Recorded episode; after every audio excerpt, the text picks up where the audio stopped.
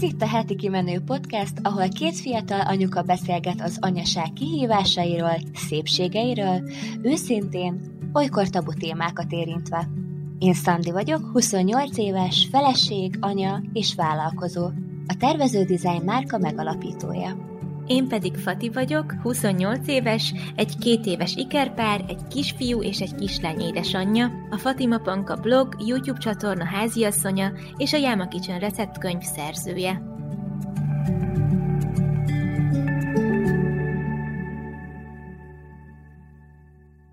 Sziasztok! Szeretettel üdvözlünk titeket a heti kimenő podcastben. Én Szandi vagyok. Én pedig Fati. A mai adásunkban Hát nem is tudom, hogy milyen címet adjunk ennek a résznek, de arról fogunk beszélgetni, hogy miért is nyavajognak folyton az anyák, vagy valami hasonló lesz majd a cím, ez biztosan látni fogjátok, amikor kikerül. Fatinak említettem, hogy benne vagyok egy Facebookos anyukás csoportban, egyébként csak egy ilyen van, de ezt sem szoktam nézegetni, csak még amikor a Lénával voltam várandós, akkor beléptem ebbe a csoportba, mert hát első anyukaként azért voltak kérdéseim nyilván, és akkor beléptem ebbe a csoportba, és akkor azóta sem léptem ki, de igazából mivel nagyon sok rossz indulatú komment van, ezért nem szoktam ezt nézegetni, de pont volt egy poszt, amit láttam, elolvastam, elolvastam a kommenteket, és ott arról szólt, hogy hogy egy anyuka írta, hogy ő teljesen ki van akadva, és hogy biztosan ő lesz az,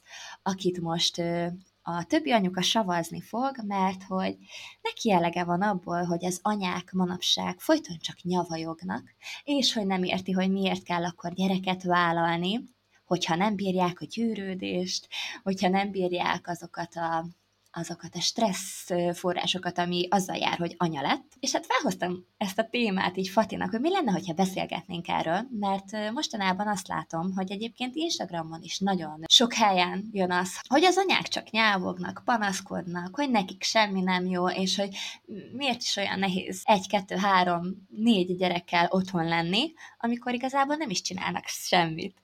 Szóval, szóval ezt fogjuk kibontani, vagy boncolgatni, mert biztos vagyok benne, hogy titeket is érdekelhet ez a téma. Igen, én egyébként nagyon meglepődtem, mikor Szandi mondta, hogy ezzel szembesült, bár mondjuk én már nagyon-nagyon régóta nem követek, mm, hát így szorosan ilyen közösségeket, mármint nem azért, mert bármi gondom van vele, vagy ilyesmi, csak más dolgokra fókuszálok, ja, és szeretnék elnézést kérni, biztosan halljátok, hogy a háttérben fúrnak. Azt mondja Szandi, hogy annyira nem vészesen zavaró, úgyhogy bízom benne, hogy tényleg nem, nem lesz annyira zavaró, de elpanaszoltam, hogy nagyon-nagyon régóta van egy hiba így a háznál, amit ki kell javítani, nevezetesen az, hogy a lépcsőnk megrogyott, meg így, meg így nagyon, tehát hogy nagyon megsüllyedt, és ezt ki kell javítaniuk, és ehhez valamennyire vissza kell bontani, és hát ma reggel közölték, hogy akkor érkeznek, én meg már nem tudtam átszervezni, hogy elmenjek máshova a podcast felvétel miatt, meg nem tudom, úgyhogy most megpróbáljuk, ha nagyon zavaró lesz, akkor majd max újra vesztük, remélem nem lesz rá szükség, de ezt halljátok a háttérben, és tudom, hogy nem a legideálisabb, de most, de most ez van, úgyhogy igen, szóval a témára visszatérve, és ez egy elég ilyen kötetlen, kötetlen meg szabad beszélgetés lesz igazából, amikor először mondta Szandi, hogy erre gondolt, akkor a, ennek a kommentnek a hallatán nyilván azért egy kicsit felhúztam magam. Meg mondjuk én egy olyan helyzetben vagyok, egy olyan szerencsés helyzetben, hogy én aztán tényleg mindenféle segítséget megkapok a, a gyermekek ellátásában, meg felügyeletében, hogyha szükségem van rá, tehát van kihez fordulnom, fizetett segítség is, meg nem fizetett segítség is. Hozzáteszem egyébként nálunk az a helyzet, és ezt már szem többször mondtam, hogy a fizetett segítség az ö, sokszor azért van, mert a, a nagymamák nem érnek rá, mert nekik is van életük, és nem egyszerűen nem, nem tudok mindig rájuk számítani, meg hát ők még fittek, van, vannak programok, amikre mennek, van munkájuk, és anyukám dolgozik, szóval, hogy nem tudok rájuk úgy számítani, hogy, hogy állandóan. Meg van más unoka is például, már sogoroméknál született fici baba, szóval, hogy vannak ilyen dolgok, és egyébként amennyire, hogy is mondjam, mert nekem a, a nyavajgásról ugye mindig ez jut eszembe, hogy én nekem aztán végképp nincsen semmi okom nyavajogni, hiszen még segítségem is bőven van, de közben pedig azért ez nem ennyire fekete meg fehér ez a dolog. A másik pedig az, hogy, hogy amennyire szégyeltem ezt sokáig, hogy nekem erre egyrészt szégyeltem azt, hogy nekem erre van lehetőségem, és szégyeltem azt, hogy ezzel én élni kívánok. Ezt úgy is tudjátok, mert mondtam nektek, hiszen azért szerintem beláthatjuk, és akinek nem inge ne vegye magára. Én azt látom, hogy eléggé meg van bélyegezve az, hogyha valaki babysittert fogad, vagy, vagy tényleg olyan segítséget gyerekekre felvigyázásban, vagy akár házi munkában, ami, ami ugye pénzbe kerül. Tehát ugye eleve van egy ilyen rossz érzés az emberekben, hogy bezzeg te megteheted, te rohadjál meg, hogy te neked erre van lehetőséged, van egy ilyen irítség az emberekben, van egy elégedetlenség az ő saját kevésbé jó anyagi körülményükkel kapcsolatban. Mm, ezek egyébként tök természetes reakciók, inkább az a baj, hogy ez eluralkodik az embereken, és ez, ez füti őket um, egy olyan reakcióra, meg sarkalja őket egy olyan reakcióra, amivel aztán megbántanak másokat. Persze két oldalú ez a dolog, mert hogyha valaki hm, hogy mondjam, visszaél azzal, hogy neki úgymond hát nem szeretem azt mondani, hogy könnyebb, de mondjuk bizonyos szempontból könnyebb, mert van kire támaszkodnia, nagy képűen beszél erről a helyzetéről, túl sokat beszél erről a helyzetéről, és már-már úgy kommunikál erről az előnyösebb helyzetéről, hogy az rossz érzéssel töltse el a másik embert, akkor nyilván ebből vannak konfliktusok, de mondjuk nekem ez az első jelenség, ami, ami, ami eszembe jutott, hogy én sokáig azt gondoltam, hogy az a normális a mi társadalmunkban, és az az elvárás az anyák felé, hogy te szenvedjél.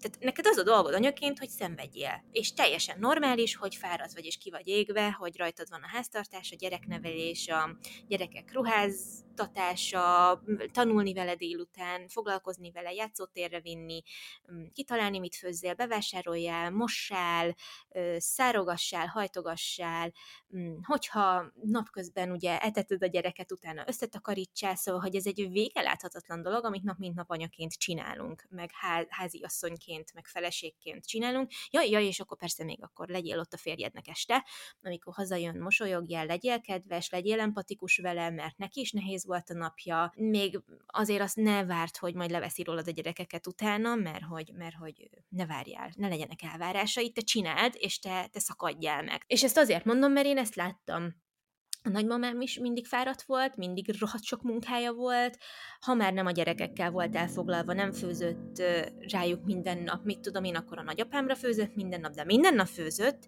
és aztán meghallgattuk, hogy milyen fáradt, meg a lába fáj, meg minden, és amikor ajánlottad neki, hogy mama, fizessünk nektek be valami menüre, izé, hátáról hallani se akart, mert hát az milyen dolog, hát ő, ő az asszony, neki főzni kell. Szóval, hogy értitek, van egy ilyen mentalitás, hogy szenvedjél, mert akkor, ez mert ez az élet. És én, és én ezt láttam, anyukám is nagyon sokszor hozta magát olyan helyzetbe, ami kicsit ilyen ilyen mártír helyzetbe, hogy, hogy ő, főleg amiután elkezdte építeni a, a, az üzletet, azért az úgy nagyon sok. Még akkor is, ha én csak egyedüli gyereke voltam, mindent kézben tartani nagyon-nagyon sok.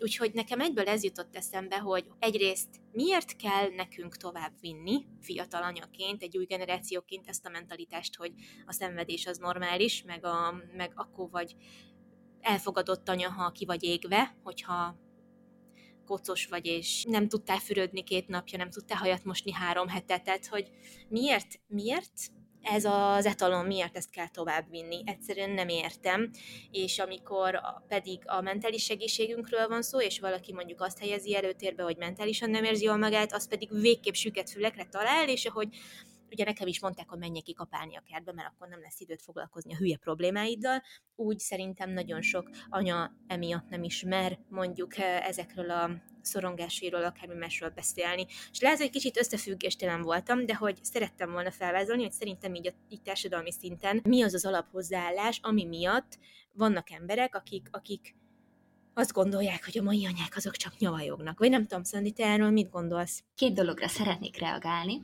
Az egyik, hogy a menjél ki kapálni a kertbe, és akkor majd lenyugszol meg, hogy nincsen időd arra, hogy a problémáidon gondolkodj. Na hát én két naponta kimegyek kapálni a kertbe, mert hogy ugye van egy kis veteményesünk, úgyhogy, úgyhogy én kimegyek kapálni, gyomlálni, ásni, és minden ilyen, mondjuk, hogy fizikai munkát végezni, és hát képzeljétek el, hogy kapálás közben tudok ám a legtöbbet gondolkodni a problémáimon. Mert hogy igenis vannak problémák, attól függetlenül, hogy van segítség nekem is, ugye itt én anyukámra gondolok leginkább, és hálás lehetek azért, hogy anya nekem mindig itt van, vagy hát azt, az most túlzás, hogy mindig, de hogy mert hogy nem szoktam tőle olyan ö, nagyon sok segítséget kérni a gyerekekkel, mert sokszor érzem azt, hogy nincsen rá szükségem, ezt majd ki fogom fejteni, de hogyha bármikor is ö, szükségem van rá, mint például most, amikor podcast felvételünk van, akkor ő itt van. És mondjuk azt, hogy bármikor ugraszthatom őt, és, és készen van arra, hogy jöjjön. És ez egy nagyon szerencsés helyzet, mert ahogy te is mondtad, Fati, nem kell esetleg fizetett segítséget kérnem. És bele sem merek gondolni, hogy mi van akkor, hogyha valakinek nincsen lehetősége anyagilag arra, hogy fizetett segítsége legyen, nagyon-nagyon messze laknak a nagyszülők, vagy esetleg nincsenek már nagyszülők, fogalmam sincs, hogy hogy oldja meg, főleg úgy, abban az esetben, hogyha esetleg még dolgozik is, és mondjuk van több gyereke, aki már intézménybe jár, akiket el kell vinni, akikért el kell menni. Hát ez iszonyatosan nehéz lehet. És ezt a gondolatmenetet majd még fogom folytatni, de hogy még, még egy dologra szerettem volna reagálni, amit te mondtál, hogy te ezt láttad így a nagyszülőknél, meg anyukádnál is, hogy mindig fáradtak voltak, mindig kimerültek, és képzeld el, hogy én nekem már egy nagyon-nagyon jó mintám van, vagy vagy hát egy ember, akit így láttam magam előtt, anyukám, nekem anya soha nem volt fáradt, legalábbis én erre emlékszem egy gyerekként, hogy ő mindig imádott főzni. Ő mindig, ha kellett, akkor több ételt is elénk tett egy nap, mert én is eléggé válogatós voltam, talán mondhatom, hogy a tesóm is, és volt olyan, hogy különfőzött apukámnak, különfőzött nekem, és különfőzött az öcsémnek is. Tudom, ez így ez így lehet, hogy egy kicsit túlzásnak tűnik, de hogy ő ezt soha nem azért csinálta, hogy utána esetleg használom ugyanazt a szót, amit te, hogy mártírkodjon, vagy, vagy hogy így kitüntesse magát tökéletes anyaként, hanem ő neki ez egy ilyen természetes dolog volt. És nálunk mindig rend volt. Én tényleg erre emlékszem, hogy mindig rend volt, mindig volt kaja, mindig, amikor átjöttek a barátnőim, anya ilyen mindig nagyon jó fej volt, és arról beszélgettek a suliba is, hogy, hogy nekem milyen anyukám van, és hogy bárcsak nekik is ilyen anyukájuk lenne. És én tényleg nem láttam rajta azt, hogy ő fáradt lenne, vagy kimerült, vagy hogy neki nehéz lenne az, hogy gyerekeket nevel.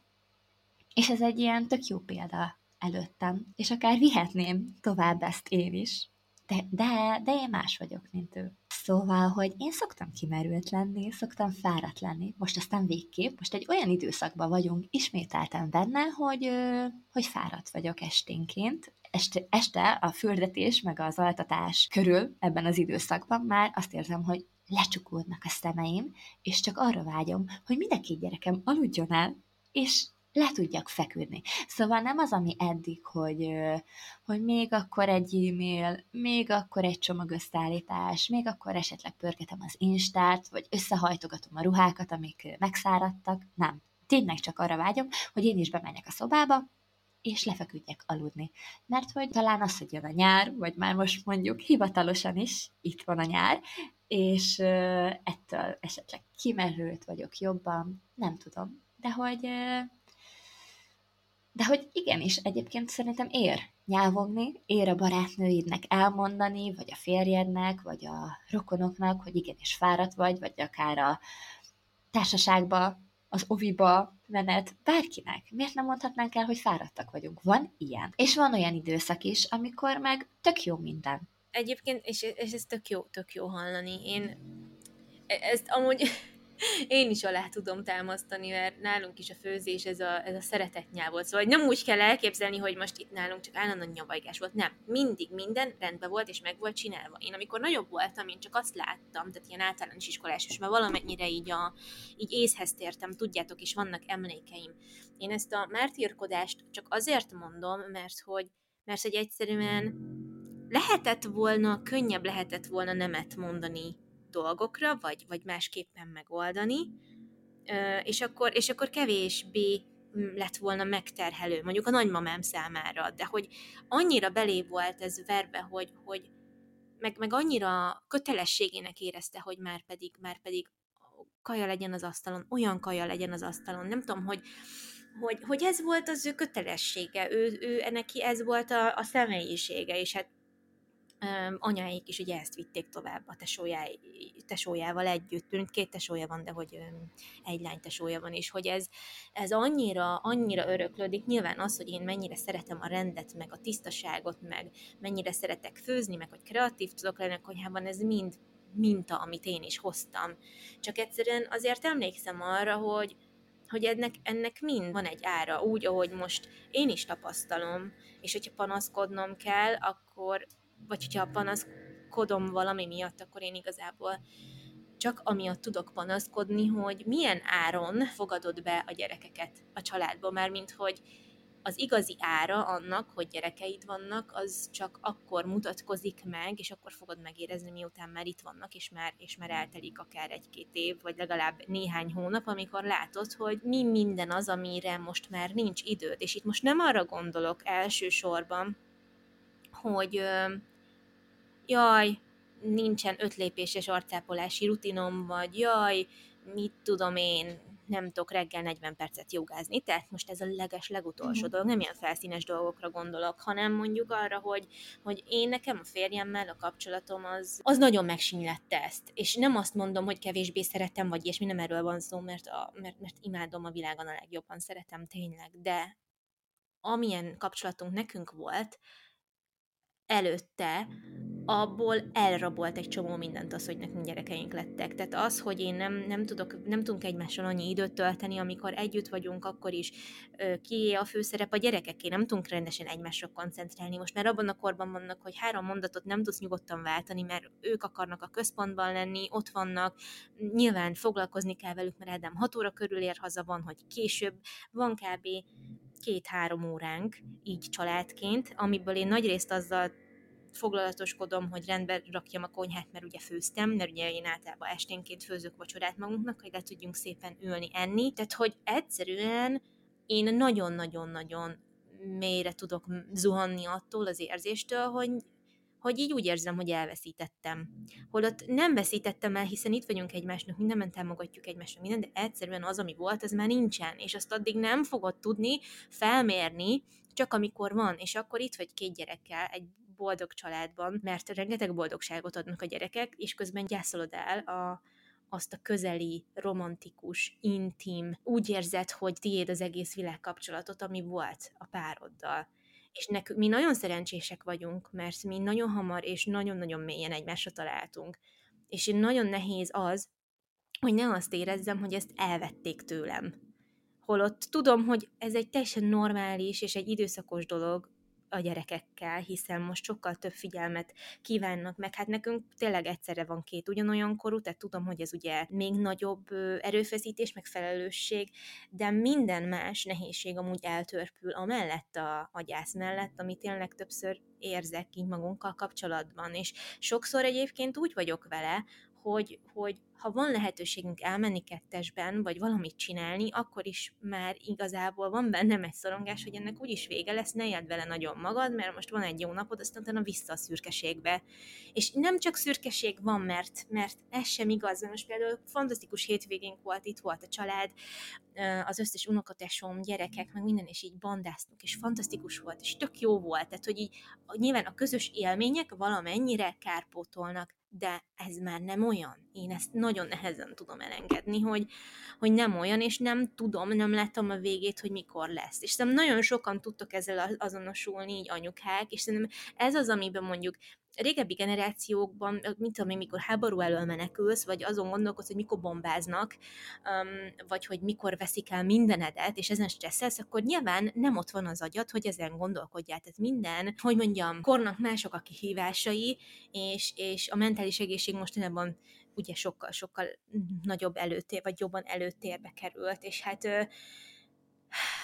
azért azt én is látom, hogy mondjuk azért az én szüleimnek is voltak ezzel kihívásai, mert sokkal kevesebb idejük volt rá, akkor az került előtérbe, hogy az egzisztencia jobb legyen, meg legyen elég pénzünk, ne az legyen, aki végighallgatta a saját podcastemben az epizódot, hogy anya miért kezdett el üzletasszonykodni, miért kezdett el céget építeni, azért, mert én nem tudom, négy évesen odaálltam a hűtő elé, és akkor ránéztem, hogy nálunk miért üres mindig a hűtő, keresztanyáméknál meg miért van mindig tele, és akkor nyilván ez egy olyan tördöfés volt az ő szívében, hogy, hogy ki, ez lett az élet célja, hogy nekünk ne kelljen nélkülözni, mert ők rengeteget nélkülöztek apával. Itt nagyon sokan nem azt gondolják, hogy itt nekem itt minden, a, nem tudom, a, az ölembe hullik, holott én nagyon-nagyon komolyan tisztában vagyok vele, hogy milyen az, amikor valakinek nincsen megfelelő mennyiségű anyagi háttere, meg minőségű háttere, hogy, hogy föntartsa magát, meg legyenek lehetőségei, mit tudom én, de ettől még azért az, hogy valakinek családja lesz, meg gyereke lesz, nagyon komolyan el mm, távolíthatja, meg rongálhatja azt a kapcsolatot, ami mondjuk egy stabil és szép és jó és szenvedéllyel, meg mindennel teli párkapcsolat volt, és, és csak így lezárásként, de ez a gondolatmenethez csak elmondanám, hogy tegnap este mi történt, szépen viszonylag időben le tudtuk tenni a gyerekeket. A Nórában nagyon sokat szoktam ö, szenvedni, míg elalszik, tehát ő valamiért esténként nagyon nehezen alszik el, és nem tudjuk megállapítani, mikor hamar elalszik, hogy mit csináltunk másképpen, mert általában semmit nem csinálunk másképpen, tehát teljesen random. És most valahogy 10 perc alatt elaludtam, ilyen, úristen, nagyon jó. és akkor kimentünk Ádámmal a nappaliba, és akkor kezdtünk volna beszélgetni, meg hát így egymásnak estünk, meg mit tudom én, és akkor mi történik? Felébred a Nóra. És egyszerűen három év óra volt, mire visszaaltottuk, és ott tartottunk, hogy akkor már megint negyed, fél tizenegy, tehát most már aludni kell, Ádám ötkor kelt, mert ő meg hajnalba jár edzeni, muszáj aludni, én is fáradt voltam, és, és akkor ott vagyunk, hogy fél óránk volt egymásra az is meg lett szakítva, és így tudod, hogy hogyan ne érezd azt, hogy, hogy, hogy be vagy egy ilyen, be, tehát hogy egyszerűen, hogy minden ilyen beakadályoztatva vagy, és hogy nem elég, hogy három értelmes mondatot nem tudunk váltani, este már meg kell magadat is erőszakolni, hogy képben legyél, meg egyáltalán ébren maradj, ne aludj el a gyerekkel, én nagyon sokszor bealszom a Nórával, hogyha sokáig tart az altatás, és annyi ilyen szar van, és, és, és aki azt mondja erre, hogy jaj, ne nyavajogjál már, annak akkor nem volt egy olyan párkapcsolata, amit sajnál, amire úgy tekint, hogy baszki, belehalok, ha ez tönkre megy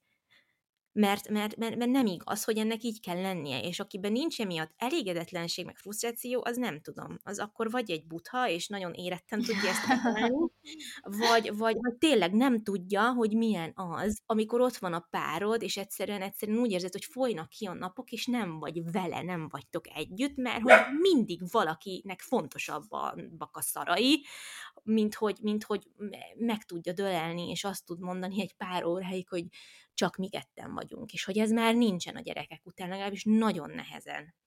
És na mindegy, most komolyan csak így fosnám a szót és ebben nem, akar, nem akarom elrabolni tőled, de hogy így tényleg az, aki, aki azt mondja, hogy mai anyák csak nyavajognak, az nem tudom, annak szerintem nagyon szegényes az érzelmi élete, vagy nem tudom. Egyébként igen, talán ez a párkapcsolati rész az, ami a legjobban megsínli szerintem. Azt, hogyha a gyerekeket vállalunk, természetesen tudjuk, hogy mit vállaltunk. Vagyis mondjuk azt, hogy hogy van valami elképzelésünk arról, Helyted, igen, igen, igen, hogy mit vállaltál, de igazán csak akkor fogod tudni, vagy akkor, akkor szembesülsz azzal, hogy aha, szóval ez az, amikor már itt vannak. És mi is nagyon szerencsések vagyunk abból a szempontból, hogy már több mint nyolc éve együtt voltunk akkor, amikor a Léna megszületett, és hát volt nyolc évünk arra, hogy csak egymáséé legyünk. Az első időkben azért én legalábbis saját magam részéről tudom azt mondani, hogy nekem nem is hiányzott az, hogy Krisztiánnal legyek, mert annyira azon volt a fókuszom, hogy én anya lettem, hogy próbáljak alkalmazkodni ehhez az új szerepemhez, hogy, hogy nem igazán Hát most kimondom, de hogy nem igazán érdekelt az, hogy mi van vele, vagy hogy mi van velünk, hanem csak az érdekelt, hogy én most anya lettem, és kész.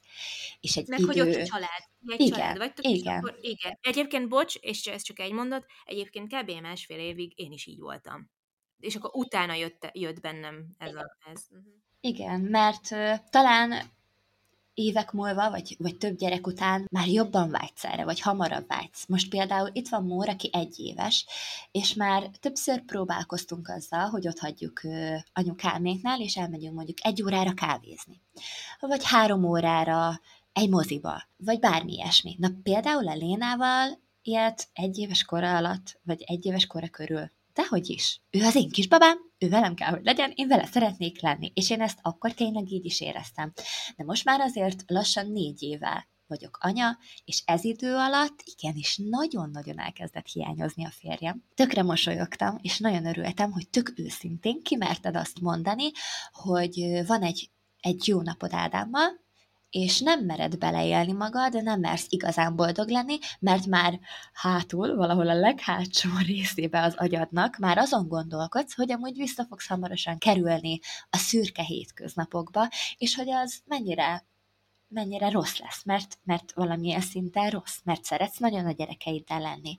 De hogy szeretnél azért igazán te lenni újra, nem? De és szeretnél újra a férjeddel lenni. Például én nagyon szeretnék elmenni egy kurva koncertre, és, és addig agyaltam azon, hogy hogyan lehetne megoldani azt, hogy hiszen ez egy esti koncert lenne, hogy hogyan lehetne megoldani azt, hogy a gyerekek elaludjanak anyukámékkal, vagy hát most azt akartam mondani, hogy leginkább mord, aztán rájöttem, hogy a Léna sem alszik el másokkal. Most amúgy biztosan vannak, akik így hallgatják már régóta a podcastet, és mondjuk így feljön bennük, hogy hát talán hamarabb kellett volna erre gondolnom, és mondjuk arra szoktatni a Lénát, hogy, hogy másokkal legyen. Lehet, hogy így van, de akkor nem így gondoltam, és szerettem volna én vele tölteni minden időmet és minden estémet, és igen, most már lassan négy év elteltével, és még mindig ott tartunk, hogy nem alszik el máshol, lehet, hogy most már egy kicsit talán máshogy csinálnám, de hogyha igazán belegondolok,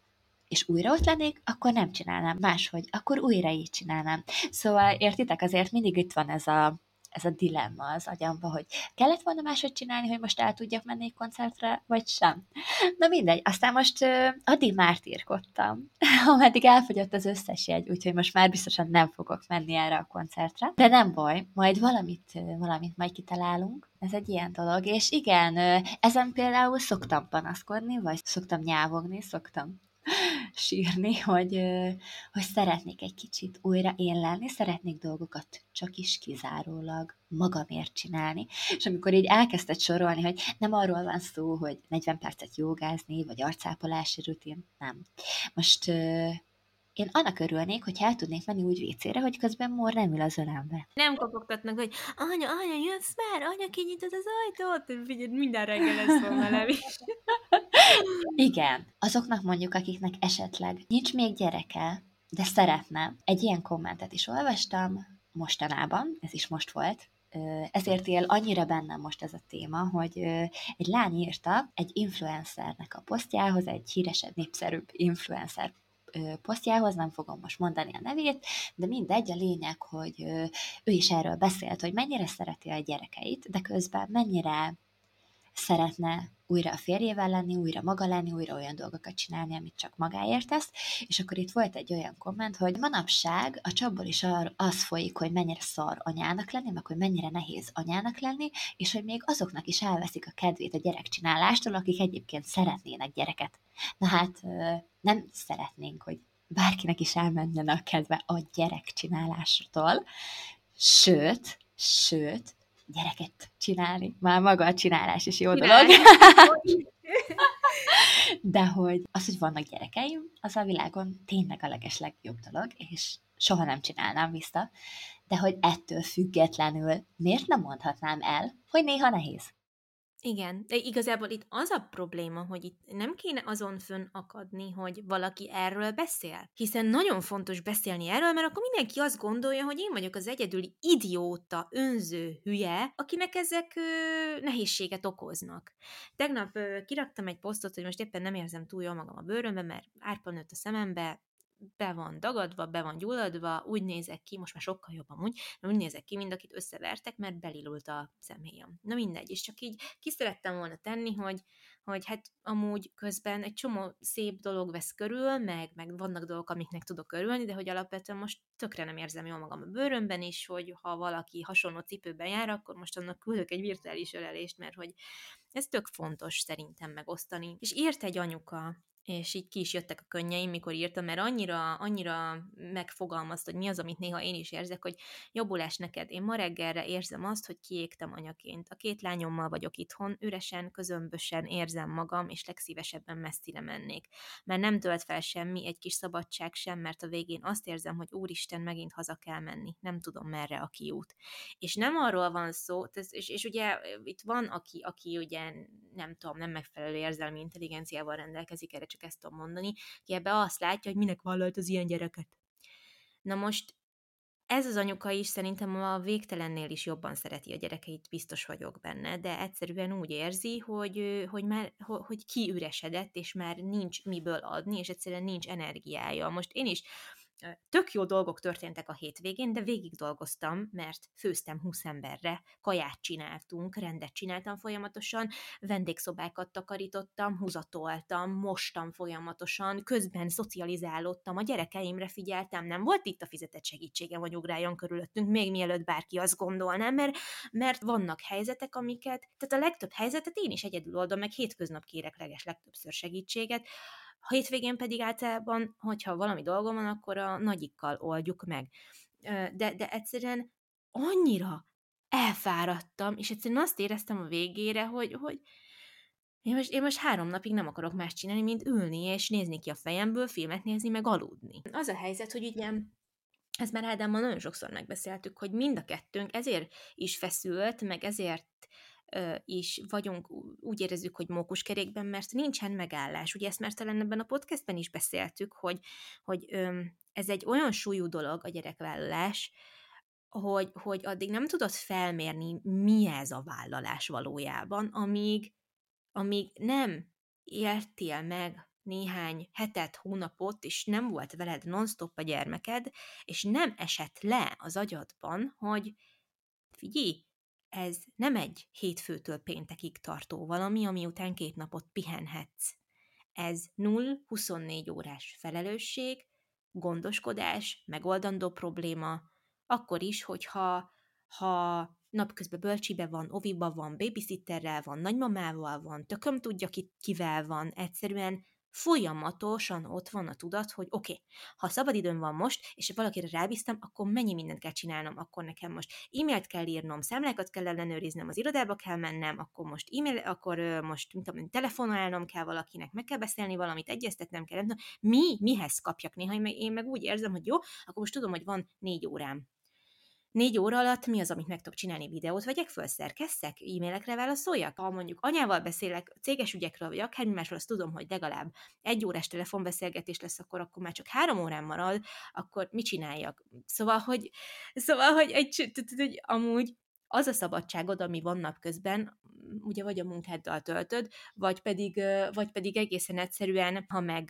nem kötött munkaidőd van, akkor meg neked kell nagyon ügyesnek lenni, és sokszor az is nyomás, meg kihívás, hogy hogyan oszd be az idődet, és ó, itt van ez a a, a tudatodban, hogy hatékonynak kell lenned, a környezetet is elvárja, hogy hatékonyan töltsd azt az időt, tehát eszedbe se juthat, hogy úgy nagyon hátradőljél, és csak nézzél ki a fejedből, mert az már hú, milyen, meg hát nem is tudsz, mert hát egy csomó minden fontosabb, amit meg kell csinálni, és hát így, ha meg, bocs, ha meg nem kell ahhoz egyébként dolgozni menni, vagy, vagy mondjuk valami vállalkozásodnak lennie, bőven elég, mondjuk van három gyereked, vagy legyen csak kettő, mit csinálsz? Hát a háztartást is épp elég, hogyha nagyobb házból laksz, vagy kerted van, vagy mit tudom én, hát én most látom, én se bírnék mindent egyedül. Annyi oldala van az életünknek, amit így szimbiózisban, meg egyensúlyba kéne tartani, hogy egyszerűen, egyszerűen nagyon könnyen el tudom képzelni, hogy ez az anyuka is így ki van égve, és úgy érzi, hogy, hogy legszívesebben megszökne. Én is nagyon sokszor érzem ezt egyébként, hogy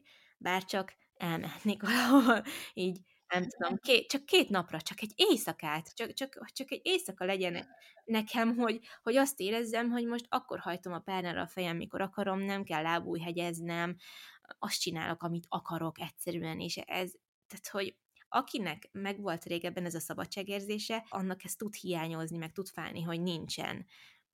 És most azt is tudom, hogy ezt, ez, mindezt, amiről beszélünk, azzal fogják kritizálni, hogy ja, mert a mai fiatalok mindent akarnak, meg már semmi se jó, nem tudnak áldozatot hozni, nem tudnak így a komfortzónájukból kilépni, pedig az anyaság az az, az, az áldozatokról szól. Na de, bocsánat, az a helyzet, hogy oké, okay, hogy hozunk áldozatokat, hozod az áldozatokat, folyamatosan hozod az áldozatokat, de egy idő után oda jutunk, hogy már nem tudok, nem tudok már mit, mit, föl, mit áldozzak már föl. Már a végén tényleg... Mert nem is akarsz, az... nem?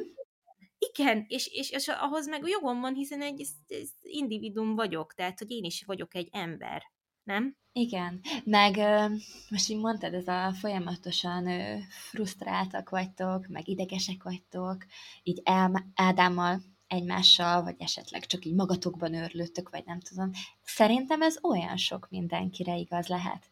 Mert egyszerűen ez a mókuskerék, ez a folyamatosan ilyen készenléti állapotban vagy, és e-, ebbe egyszerűen bele lehet őrülni. És, és ö, szokták mondani a nagyszülők, tök kedvesek amúgy, mert elismerik azt, hogy, hogy nehéz szülőnek lenni, vagy esetleg most, most nyilván most magunkról, anyákról beszélünk, de hogy nyilván apukáknak is nehéz, de hogyha úgy összességében nézzük, és és hát miért nem nézhetnénk azért anyának lenni valamivel mégiscsak nehezebb. És én tökre örülök, hogy amúgy a nagyszülők ezt itt tényleg el szokták ismerni, hogy milyen nehéz nekem sokszor, mert hogy így szokták mondani, hogy, hogy annyira jó a gyerekekkel lenni, Szandi, amikor itt vannak nálunk mondjuk egy fél napot, de hogy úgy örülök, hogy hazamehetek. Mert hogy egyszerűen el se tudják képzelni, hogy amikor ők fiatalok voltak, akkor hogyan bírták ezt. És és mondok még egy másik dolgot, hogy mondjuk esetleg, amikor a Léna elmegy a nagyszülőkkel egy fél délutánra, vagy egy délelőtre, teljesen mindegy, és mondjuk hazajön, akkor nekem ugye az kellene, hogy én egy kipihent anyuka vagyok, hiszen mondjuk Mor tök jól el volt, aludt is, a Lénát elvitték, és akkor amikor a Léna visszajön, akkor nekem full türelmesnek kellene lennem vele, és nagyon kedvesnek, és örülnöm, hogy itt van. Örülök is, hogy itt van, és hogy megérkezett, de nem tudok vele csak azért türelmes lenni, vagy azért megengedőbb lenni, mert hogy ő most elment néhány órára, hiszen az, hogy amúgy folyton velem van, és folyton vannak vele problémák, mármint, hogy ezt most ne úgy értsétek, hogy hatalmas problémák vannak, de hogy egy három és fél éves dacos kislány, akinek olyan akarata van, hogy azt el sem tudom mondani, ezek nem fognak elmúlni azért, mert hogy ő elment pár órára. És nagyon szarul szoktam érezni magam, hogy ah, Szandi, hát most a nagyszülőkkel volt, nélküled, és most visszajön, és akkor te még megint türelmetlen vagy vele? Hát igen, mert hogy, mert hogy attól még az élet az ugyanúgy megy tovább. Igen, igen. Meg mondjuk lehet, hogy közben, mit tudom én, tegnap délután én is bementem a városba, mert el kellett valamit intéznem. Közben, amíg mentem, addig volt egy nagyon hosszú és nehéz és, és szar telefonbeszélgetésem valakivel, mindegy, ahol problémákról volt szó. És rohadtul fölhúztam magam, mert mindegy történt valami, ami, ami elkerülhető lett volna, és valaki hibázott, és nem tudom, tehát, hogy egy kellemetlen telefonbeszélgetés volt, megoldódik minden, meg nem tudom, de ezt le kellett így menedzselni. Tehát itt, itt nagyon sokan egyébként azt gondolják, hogy jaj, mert én tudom, tudom, hogy ezt gondolják, mert, mert hallom vissza. Mert olvasod a Redditet, ugye? Ez a gond. nem olvasom amúgy most, én már évek óta nem olvasom. Képzeljétek el, ezt itt elmondom, Fati tudja, hogy életemben először elolvastam, a, amit Redditen írnak a heti kimenőről, és hát nem kellett volna. Úgyhogy ne haragudjatok, hogy ilyen irritáló hangom van, de nem tudok vele mit kezdeni. Nem minden fog is be azt előtt, Szandi, mindenkinek jobb lesz. Jó, átadom a szót. Tudod, hogy majd én beszélek, úgyis állandóan ledominálnak, meg állandóan azt hiszem, hogy nekem fontosabb a mondandóm, úgyis túl sokat beszélek hozzád képest. Akkor, igen, most, akkor, igen. Most, akkor most ez legyen így, nem, amúgy szerintem tök jó hangod van, akinek meg nem tetszik, azért ne hallgassa. Szóval, hogy nem most egyébként pont nem a Redditre gondoltam, én én magánbeszélgetésekben is számomra idegenektől, de hogy ismerősöktől, de mégis idegen, kaptam már el olyan mondatokat, hogy hát, hogy ja, hát még arra is futja neki, hogy babysittere van, most nem pont rólam volt szó, hanem akárki másról. Tudod, tehát, hogy van ez a, amit már az elején is mondtam, ez a fújogás, nálam ez a fixa, hogy, hogy mi az, hogy te megteheted, hogy neked van, na mindegy, tehát, hogy igen, a, a babysitterrel voltak, nem szeretem így hívni, de mindegy, Timivel voltak, és akkor, és akkor tudod, ez így kívül úgy tűnhet, hogy hát a Fatika az állandóan a városban van, meg kávézik, meg mit tudom én, az, az senki nem tudja, hogy én közben mennyi mindent próbálok megoldani, meg mennyi mindent kell közben elintéznem, mert azért én közben boltba megyek, meg fürdetőt veszek, meg kéztörlőt veszek, meg mosószert, meg öblítőt, meg nem tudom, mert ott a DM mellett a kávézó, akkor most már nem megyek haza, nem utazom 15 percet, zavarom össze a gyerekeket, hogy hello, megjött anya, de még lemegyek a dolgozóba, hanem próbálok akkor hatékony lenni, és azért ülök be abba a kurva kávézóba, már bocsánat, hogy legyen egy viszonylag szaggatatlan, összefüggő egy-másfél órám, akár kettő, ahol mindent el tudok intézni. És akkor még a városban mellett mondom, volt ez a, ez a telefonbeszélgetésem, és hogy, és hogy igen, tehát én nem Igaz, hogy a gyerekektől erre az időre úgymond megszabadultam, és most ezt nem rossz értelemben mondom, hanem hogy ezeket a felnőtt dolgokat, mert ezek felnőtt dolgok, semmi közük a gyerekeknek hozzá.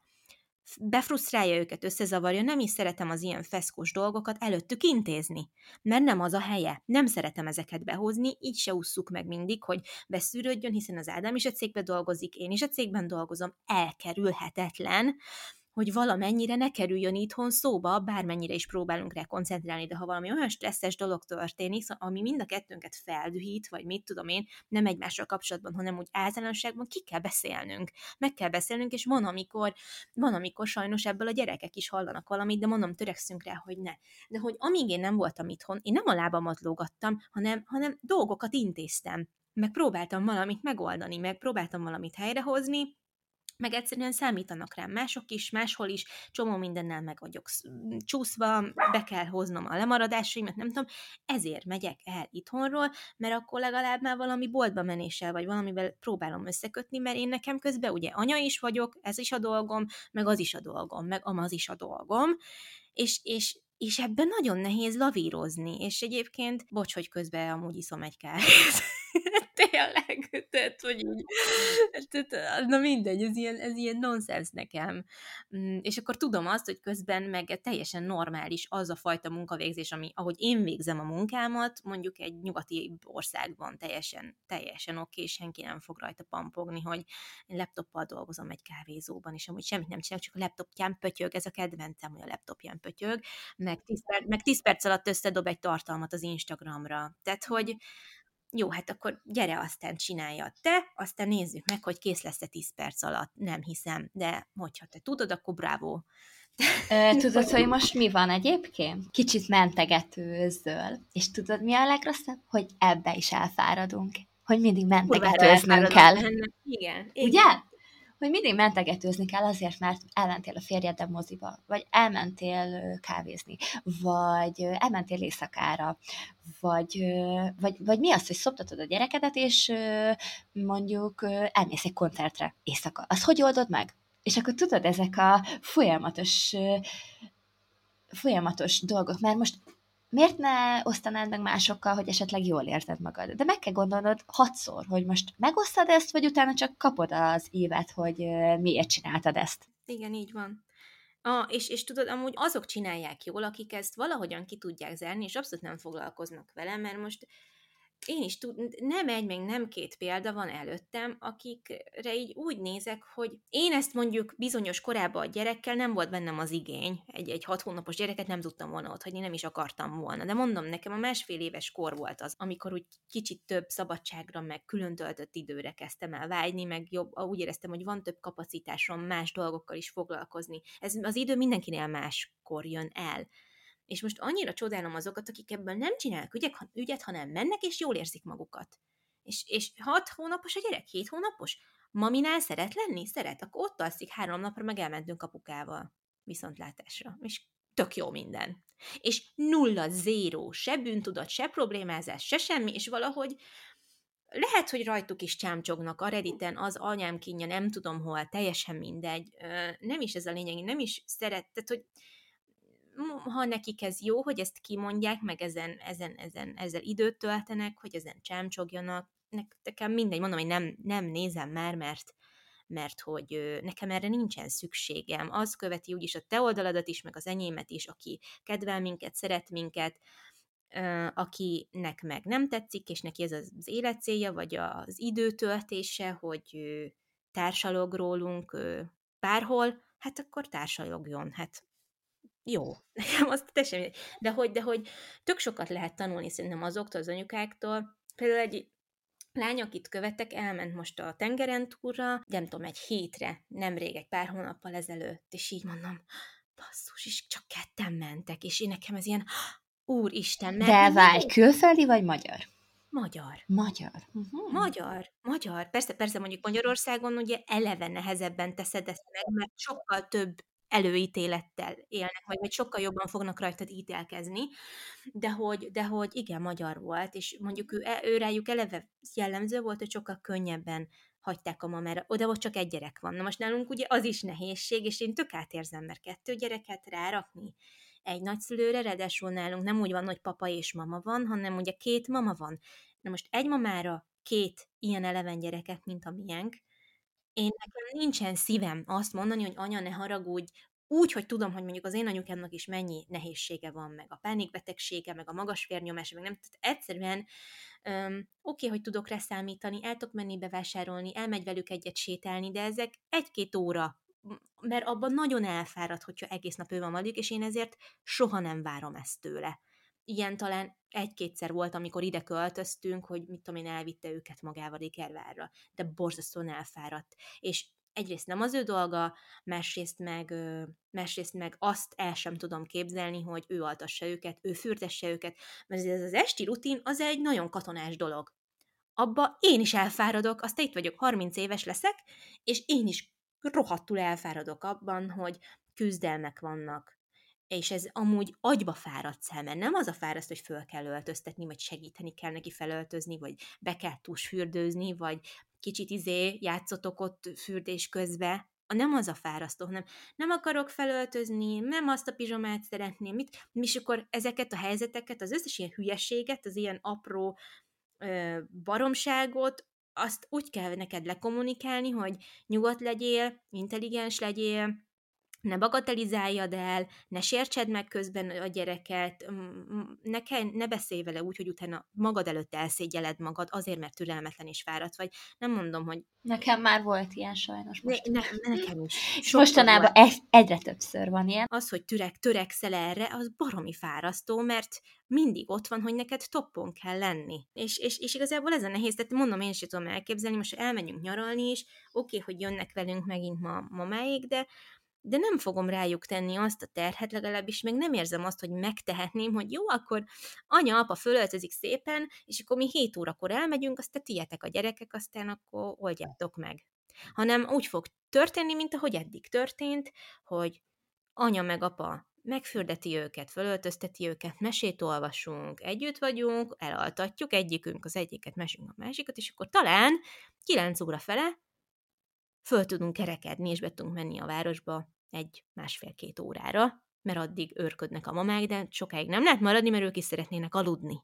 Tehát én mondjuk így tudok rájuk számítani, és soha, és fogalmam sincs, hogy mikor lesz olyan, hogy én egy éjszakára is akár az Ádámmal valahova el tudok menni. És igen, én ezért baromi szomorú tudok lenni, hogy fogalmam sincs, hogy ennek hol lesz egyszer vége. Igen, és azért folyamatosan nyávogsz. Igen, folyamatosan nyávogsz. Igen. Mi most megbeszéltük Krisztiánnal, hogy nekünk volt egy ilyen hagyományunk már nagyon régóta, hogy decemberben mindig elmentünk wellnessezni, mert hogy akkor van az évfordulónk. Nem a házassági évfordulónk, hanem az, amikor megismerkedtünk, és akkor most mondtam neki, hogy decemberben 30 éves leszek, ami azért elég szép kerekszám, és hát amúgy is évfordulónk lesz, és amúgy is volt egy ilyen hagyományunk, amit mi lenne, hogyha visszahoznánk. Úgyhogy most ö, lehetséges, hogy egyetlen egy éjszakára ott hagyjuk a gyerekeket valamelyik nagyszülőnél, és elmegyünk wellnessezni. Korábbi adásokban már beszélgettünk arról, hogy hozott mintákat legyűrni. Hát nálam a hozott mintában az is beletartozik, hogy az én szüleim onnantól, hogy gyereket vállaltak, igazából megszűntek hmm, létezni. Jó, ez így nagyon... Ja, így egymásnak. Ez így nem csak egymásnak kettesben, hanem úgy jó, talán, hogy ez így nagyon erős volt, de hogy az én anyukám olyan, aki igazából csak a gyerekeiért élt, él a mai napig, és én is ezt láttam. Na, ezt viszont mindig ezt láttam. Nagyon sokáig én is ilyen voltam, és még mindig ilyen vagyok, viszont ezt nagyon le kellene küzdenem, mert Krisztián szokta mindig mondani, hogy, hogy ez nem lehet, hogy csak azért élek, hogy a gyerekeimnek jó legyen, és akkor hol vagyok én? És látja rajtam, hogy egyre jobban elfáradok abban, hogy mindig csak ők, ők, ők, és, és nekem meg nem maradt semmi. Úgyhogy most szeretném ezt megszüntetni végre, és egy kicsit magamra is tényleg, és már tudom, hogy amúgy ebben a podcastben is beszéltem erről, hogy mennyire szeretnék magamra fókuszálni, magammal foglalkozni, és hogy még mindig nem vagyok ott, ahol szeretnék lenni. Már nagyon sokat javultam, de azt érzem, hogy ezzel, hogyha elmegyek vele wellnessezni egy ö, teljes napra éjszakával együtt, akkor ott azzal, azzal megugrom ezt a dolgot.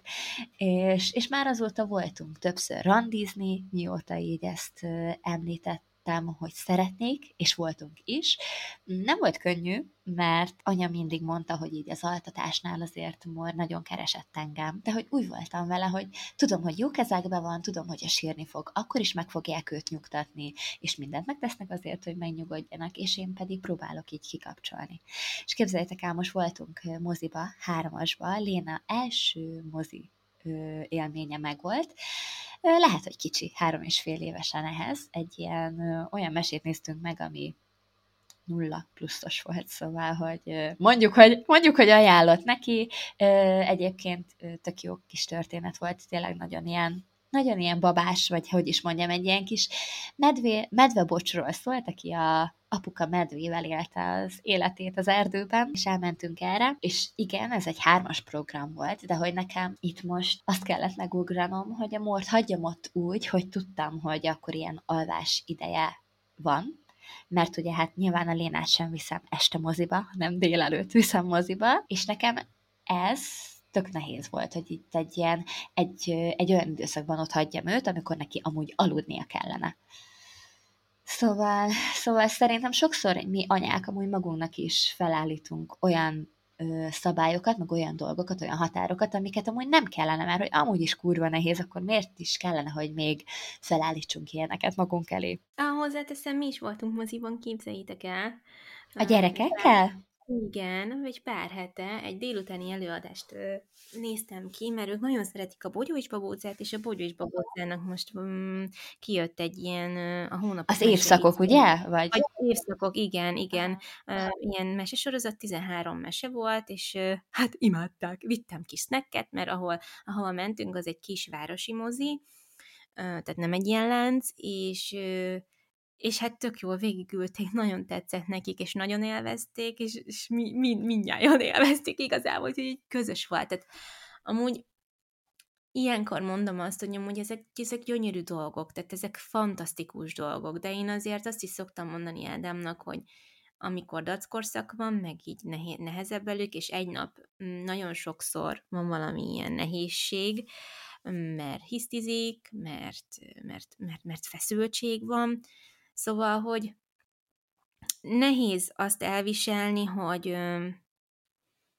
hogy, nem tudsz egyenesben maradni, mert nyilván hatással van rád a gyermekednek a viselkedése, a gyermekednek a, a, a kihívásai, amiket mederben kell tartanod, és, és amikor azt érzed, hogy, hogy ezen a napon körülbelül 40-szer volt fent és lent, akkor azban nagyon-nagyon elfáradt, és én sokszor így szomorú vagyok amiatt, hogy nem tud egy ö, nyugodtan unalmas napunk se lenni, mert vagy az van, hogy fú, most ez a pillanat, ez gyönyörű volt, vagy, és tök jó volt, vagy az van, hogy, ö, hogy utána meg történik valami, ami meg, ah, basszus, megint nagyon nehéz, és nem tud egy kicsit ilyen, inkább ne történjen semmi extra, csak legyünk nyugodtan. Pont múltkor panaszkodtam Ádámnak, hogy most már sokat vagyunk, ugye rengeteget kint vagyunk a kertben, meg a teraszon, és a Nándi valamin kiakadt. Igen, az volt, hogy ö, könyveket hordott szét, hogy olvassak. És mondom, hogy rendben olvasok, de kettő darab könyvet hozhatsz. Nem hozhatod ki az összeset, és ö, ki egy csomó könyvet, és mondtam, hogy Nándi, figyelj, addig nem jöhetsz ki, amíg ezeket a könyveket vissza nem rakod a helyére, mert nem csinálhatunk állandóan rendetlenséget, mert anyának nagyon sok felesleges munkát csinálsz azzal, hogy ezeket kihordod. Ha segítesz utána visszahordani, akkor rendben van, de mondom, gyere, tegyünk rendet, és utána kimegyünk olvasni, és nem akarta, és nem, nem, nem, tudjátok, ez a megmakacsolom magam is, az Istenért se. Közben a Nóra már elvárta volna, hogy én halálnyugiba ott kinolvassak neki. Úgyhogy az Edenben maradt a hisztiző gyerekkel, próbálta rábírni, hogy de már pedig rakjuk össze a könyveket, mert ha egyszer te felállítasz egy ilyen szabályt, hogy akkor állunk neki egy új dolognak, ha, ha rend van, és amit széthortunk, elpakoljuk, akkor ahhoz neked tartani kell magadat, mert különben érvényét veszti a szavad. És akkor nem leszel következetes. És akkor ezt a konkrét esetet azért mondom, mert ezzel tudom szemléltetni, hogy hogy miért nem töltenek sokszor vissza azok a pillanatok sem a gyerekekkel, amik szépek lehetnének. Tehát én kiültem a Nórával, és elkezdtem neki olvasni, de közben hallottam, hogy a gyerek bent toporzékol a másik, és az Ádám próbálja jobb belátásra bírni, tök hígattan, tök nyugodtan hozzáteszem, sikerült mind a kettőnknek nagyon nyugodtnak maradni, de konkrétan én kint sírtam, hogy nem hiszem el, hogy ebben a gyönyörű, lenyugvó délutáni napban ülök a Nórával kint, olvasunk egy tök jó mesét, bújik hozzám, és, és vágyik ő erre a kapcsolatra, közben a Nándi meg bent szenved, és ez a helyzet, ez tökéletesen tükrözi azt, hogy nálunk például miért nehéz mondjuk belemerülni a szép meghitt pillanatokba is, mert hogyha nem működik mindenki egy, együtt, ugyanabban a pillanatban, akkor az egyiküknél mindig eltörik a mécses, vagy elszakad a cérna, vagy nem tudom, és akkor hirtelen nyilván a stresszhormon szintem is az egekbe repül, hiszen izzad a tenyerem, beáll a görcső gyomromba, hogy a Nandinak megint már mi baja van, meg hogy, meg hogy meg kell oldani, akkor ott van bennem ez a készenlétérzés megint, hogy azt meg kell oldani, és nem tudok elmélyedni a másik gyermekemmel a karosszékben a lemenő nap sugarai simogatását érzékelve, érted? És, és a tök apró dolognak hangzik, de amikor egy nap ilyenből van ötven, az jó, most túlzok, de, de sok az borzasztó idegesítő is, és, és nyilván ez az én hibám is, hogy ettől még hálásnak kéne lennem érte, meg az is vagyok, de egyszerűen csak azt látom, hogy ez hogy lehetett volna szebb, és milyen jó lett volna, ha Nandi is oda jön, oda kuporodik, elrakjuk együtt hárman azokat a hülye könyveket a helyére, miért olyan nehéz 15 másodperc lett volna visszapakolni, ha mindhárman visszapakoljuk, és nem lett volna ez az egész. És én ez, ezek nekem annyira el tudják venni a kedvemet, és igen, ezek fárasztóak. Akkor is, hogyha valaki azt gondolja, hogy ez csak nyavajgás. Igen, igen, teljesen megértem. Nálunk is sajnos egészen sok ilyen van, és sajnos mindig Léna szívja meg mert ő az, aki hm, már ugye nagyobb, ő az, aki értelmes. Most ezzel nem azt szeretném mondani, hogy Mor nem értelmes, de hát ő még egy kicsi baba. Hogy Léna az, aki szeretne bújni, aki szeretne kapcsolódni, és, és nálunk is nagyon sokszor van ilyen, hogy szeretné, ha olvasnék neki, de Mor folyamatosan rajtunk csüng, elveszi a könyvet, összegyűri a lapokat. Szeretné Léna, hogy kinn a kertbe hintáztassam őt, de Mor felmászik a mászókára. Hát nekem azt kell figyelnem, hogy ő felmászik a mászókára, és le fog esni, és nem tudok a Lénával lenni. Szegény hazajön az óvodából, szeretne velem lenni, én is szeretnék nagyon vele lenni, de közben ott van Mór, aki mondjuk lehet, hogy valami veszélyes dolgot csinál, vagy ordít, mert éhes, vagy ordít, mert álmos, akkor mit csinálok? Igazából folyamatosan ilyen választások elé vagyok állítva, és mindenki szerintem, aki, akinek több gyereke van, mert mind a kettőnek, vagy mind a háromnak szeretne szeretné, hogyha mindenkinek tökéletes lenne, de, de nem tudsz egyszerre ennyi mindenkivel foglalkozni. Vagy hát nem tudsz úgy, ahogy szeretnél. És ezért fontos szerintem, hogy ilyen minőségi időket próbáljunk a gyerekekkel külön-külön tölteni. De még ez is tök nehéz. Vagyis, hogy nekem például, amikor most elmentünk ebbe a erre a, erre a mozis délelőtre hármasba, azért folyamatosan azon agyaltam, és volt, hogy gyomoridegen volt, hogy vajon most a mosír. És amikor így összerándult a gyomrom, akkor én mondtam magamban, hogy aha, biztos a mosír. Vagy hogyha sikerül elmennem Krisztiánnal egyetlen egy órára kávézni, vagy sikerül elmennünk moziba, akkor se az van, hogy teljesen ráfókuszálok, és újra olyanok vagyunk, mint régen, és csak mi vagyunk, hanem azon gondolkodom, hogy mi van a gyerekekkel. Vagy hogyha nem is gondolkodom rajtuk, akkor elkezdünk róluk beszélgetni. Mert hát mi, mi más témánk lenne, mint hogy a gyerekeinkről beszélgessünk, nem? Igen, szóval, hogy... meg tudod azt, hogy régen meg akármiről is órákig el tudtál beszélgetni. Igen, igen. Most képzeljétek, nekünk volt egy nagyon hosszú délutánunk együtt, hat óra, amit a gyerekeknél töltöttünk. Az, az, az tök sok. És amikor jöttünk hazafele, akkor így jöttünk haza kocsival, zenét hallgattunk, beszélgettünk, és egy Krisztiáni megfogta a kezemet, és mondta, hogy annyira jó volt a régi Szandival együtt lenni. Mm, és... De ez valahol, hú, de ez valahol így konkrétan mindjárt Én is.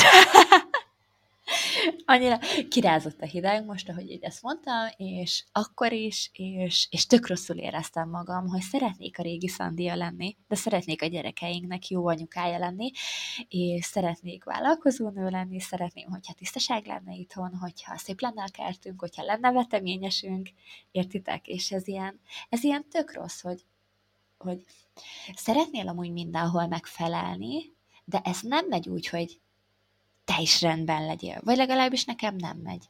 És ezt valahogy ezt meg kellene találni, hogy hogy tudok mindenhol jól lenni, vagy legalább közelíteni ahhoz, amennyire szeretnék jó lenni, és közben mentálisan is okés lenni, mert vannak napok amúgy, amikor minden tök jól megy, de akkor estére én annyira lemerültem, hogy akkor már tényleg nem tudok a férjemmel lenni és van olyan is, hogy megbeszéljük, hogy igen, akkor mi most filmezni fogunk, ő előkészítette a nasikat, és én meg bent ragadok a gyerekekkel, és elalszom, és ő meg nem kelt fel, mert tudja, hogy fáradt vagyok. Úgyhogy igen, úgyhogy ezek az anyai nyavajgások, ezek, ezek valós dolgok, és lehet, hogy másoknak nem annak tűnik. Lehet, hogy vannak olyanok, akiknek vannak gyerekei, vagy van olyan, akinek még nincs gyereke, és mindenkinek mindenkinek más az, amiben elfárad, vagy más az, ami felidegesíti, vagy ami miatt türelmetlen. Én például amiatt is ideges szoktam lenni, hogy ideges vagyok. hogy, hogy, hogy miért van az, hogy nekem folyton, most lehet, hogy úgy állítom be magam, mint aki folyton türelmetlen a gyerekeivel, de egyébként ez nem így van, mert hála a jó Istennek, mindenkitől azt hallom, hogy én milyen türelmes vagyok a gyerekekkel, és amúgy ez tényleg így van, de közben meg belül szétrobbanok.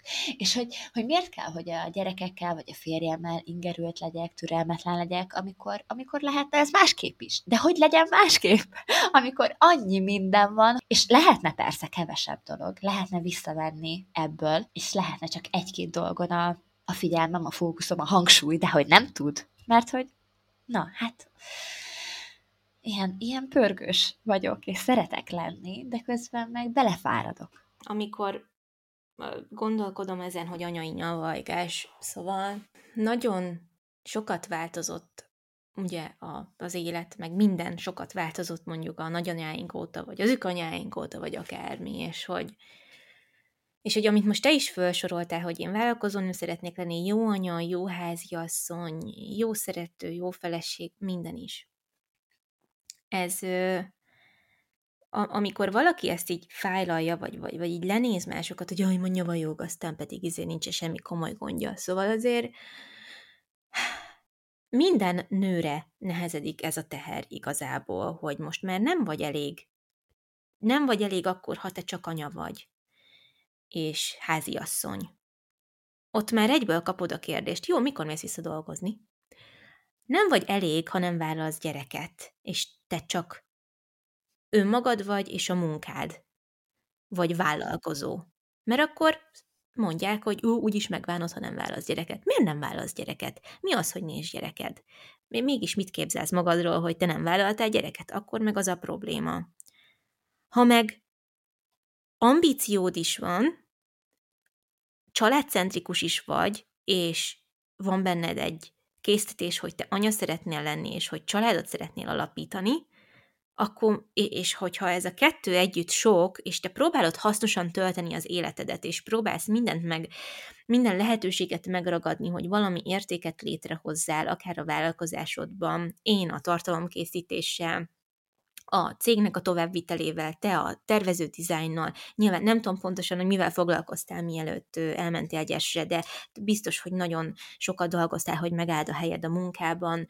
Tehát, hogy ha meg, ha meg mindenféle dologba próbálsz ö, sikeres lenni, vagy nem is sikeres, hanem hogy tényleg kitöltsd az életedet munkával, meg mindenféle munkával, otthoni, családi munkával, mert ez egy munka, azért nagyon sok munka van azzal, hogy te egy családnak a fenntartásáról gondoskodsz anyaként és háziasszonyként, vagy a professzionális életedbe, ez egy idő után borzasztóan sok.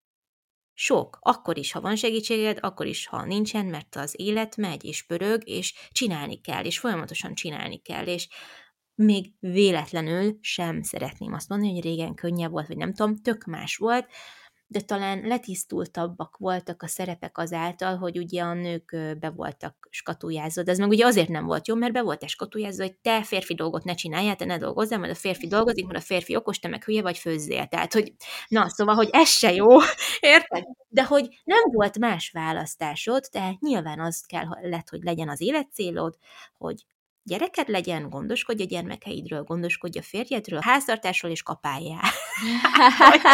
igen, igen. És akkor nem volt kérdés, hogy hú, most akkor én szeretnék egy kézműves kisvállalkozást, vagy érted? Igen. Nem volt ilyenről szó. Most aki meg nem érti, hogy a mai anyák miért nyavajognak, az nézzen körül, hogy miből áll a világ, meg milyen elvárások vannak, vagy mi, milyen rálátásaink vannak sokkal inkább ö, látjuk a lehetőségeinket, és mivel látjuk a lehetőségeinket, és látjuk, hogy mások hogy élnek, mit érnek el, ö, inspirálódunk, felfűt bennünk az inspiráció, a motiváció, és persze, hogy csinálni szeretnénk még valamit, hiszen az élet az arról szól, hogy, hogy tedd a dolgod, és találd meg, amivel te létre tudsz valamit hozni, és lenyomatot hagyjál magad körül, vagy, vagy kiéljed magadat az alkotásban, a munkában, akármiben.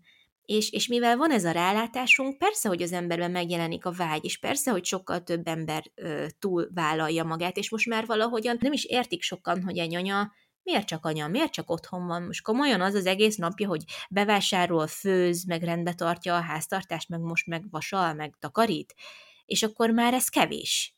De, de, de mi van akkor, hogyha ez igenis nagyon értelmesen és szépen kitölti valakinek a napját, és tökre elfárad benne, mert mondjuk egy akkora háztartásról, meg annyi gyerekről van szó, meg minden, és így állapodtak meg, és akkor ezzel mi a probléma? De az is számon van kérve. Mi az a baj, hogy már minden számon van kérve, és most semmi nem jó. Igen, bármit tehetsz, az valakinek biztosan ö, rossz.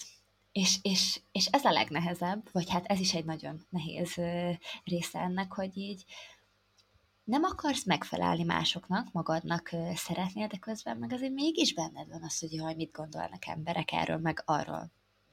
Persze, persze, hiszen, és... hiszen erre, bocs, erre, erre is sokkal nagyobb rálátásunk van, hogy Igen. milyen ítélkezések mennek, hiszen Igen. itt az internet, megnézel bármi cikk alatt egy kon- kon- komment szekciót, és kb. elmegy a kedved az élettől, és nem érted, hogy hogy van ennyi frusztrált és boldogtalan ember, hogy így beszél. Igen, igen. Sajnos sokszor gondolom azt, amúgy az internet az egy, az egy jó dolog is tud lenni, de nagyon sokszor van olyan, hogy lehoz az életről konkrétan, és, és inkább kilépek. És mondjuk egy egész napra beállítom a repülő üzemmódot, vagy, vagy tényleg nem nézegetek semmit, mert mert nem akarok ezzel foglalkozni. És amikor annyira azt érzem, hogy nehéz, nehéz valami, vagy nehezek a napjaink így a gyerekekkel, és mondjuk tudom, hogy milyen anyuka szeretnék lenni, tudom, hogy miket állítottam így fel, bizonyos szabályokat magamnak, nem sokat, de azokat szeretném betartani, és vannak olyan oldalok, oldalak Instagramon, amiket követek, amik nagyon-nagyon jó oldalak, és tényleg tök jó tanácsokat adnak, de amikor így arról beszélnek, hogy miért rossz az, hogyha így és így beszélsz a gyerekeddel, és én aznap úgy és úgy beszéltem a gyerekemmel, akkor, akkor teljesen ki vagyok. Amikor arról beszélnek, hogy a gyerekednek miért nem jó az, hogyha következetes, vagy hogyha nem vagy vele következetes, vagy miért ö, rossz neki az, hogy megbünteted, és én aznap pont megbüntettem a Lénát, mert, mert most kérdezem én, egy három és fél éves, iszonyatosan dacos gyerek, akit a lehető legnagyobb ö, szabály, nem is szabály ez, ez egy elv, ez egy természetes dolog, hogy én, legalábbis nekem, vagy nekünk, a mi családunkban, hogy nem ütöd meg a gyereket, nem, nem tehát, hogy így fizikailag nem bántalmazod őt. Ez, ez, egy, ez egy alap dolog, erről nem is kell szerintem beszélni. Nem beszélsz vele csúnyán. Tényleg olyan dolgokat, amivel úgy igazán a mélyen bele tudnál tiporni, nem csinálsz ilyeneket. Akkor, akkor mit tudsz tenni? Akkor csak beküldöd a szobájába, nem? Vagy én legalábbis van olyan, hogy beküldöm a szobájába, megkérem őt, nyitva van az ajtaja, megkérem őt, hogy ne jöjjön ki, gondolkodjon el azon, amit amit tett, gondolkodjunk el rajta együtt. És, és, és, és akkor így jön velem szembe egy olyan, hogy nem szabad büntetni, nem szabad beküldeni a szobájába, mert hogy az lelkileg mennyire tönkreteszi őt.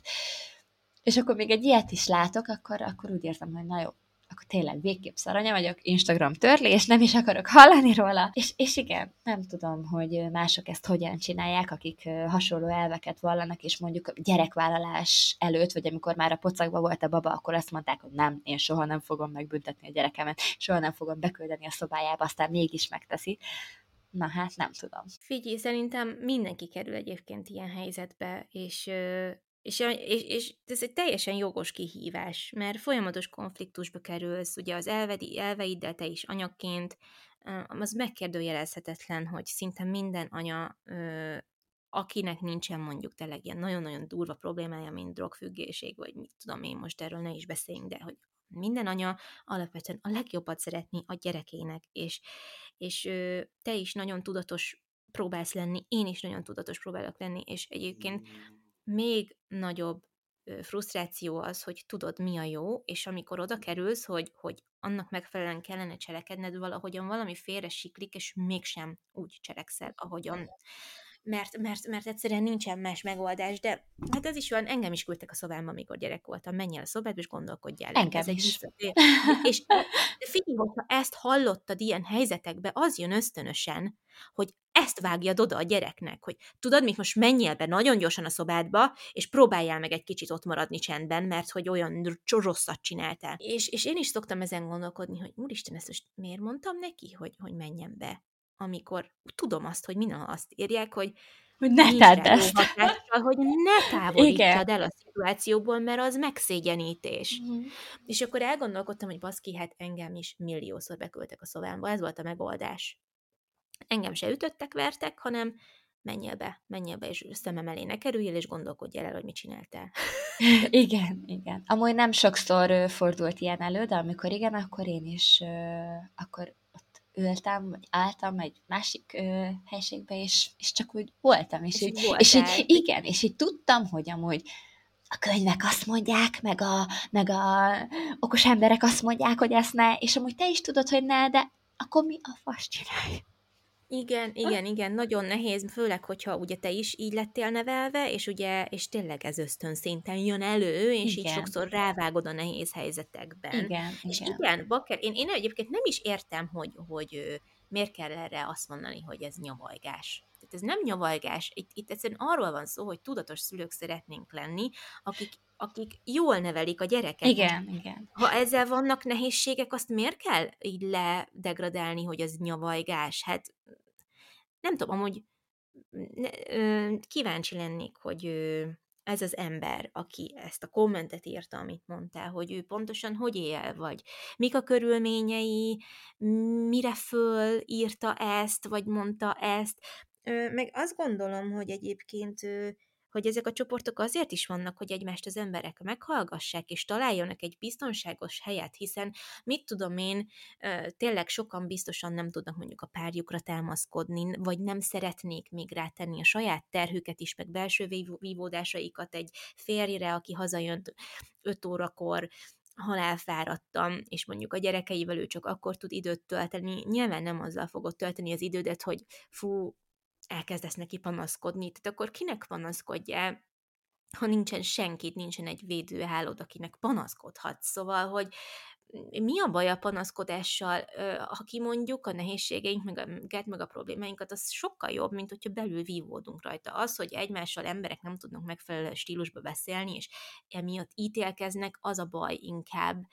De, de én is azért szeretem mondjuk a mi beszélgetéseinket is, mert amúgy tök azt érzem, hogy filter nélkül tudok neked szinte bármit mondani, mert, mert lehet, hogy te másképp gondolod, vagy másképp érzed, de soha nem fogsz engem olyan negatívan megítélni, hogy, hogy utána megbántsál, tudatosan megbántsál, vagy, vagy meg akarj bántani, vagy szégyenbe akarjál hozni, vagy lekicsinyítsed azt, ami nekem nehézség, mert amúgy egyikünknek sincsen ehhez joga, mindenkinek a, ezt is elmondtuk mert ebben a műsorban ezermilliószor, mindenki a saját életéhez mérten küzd nehézségekkel.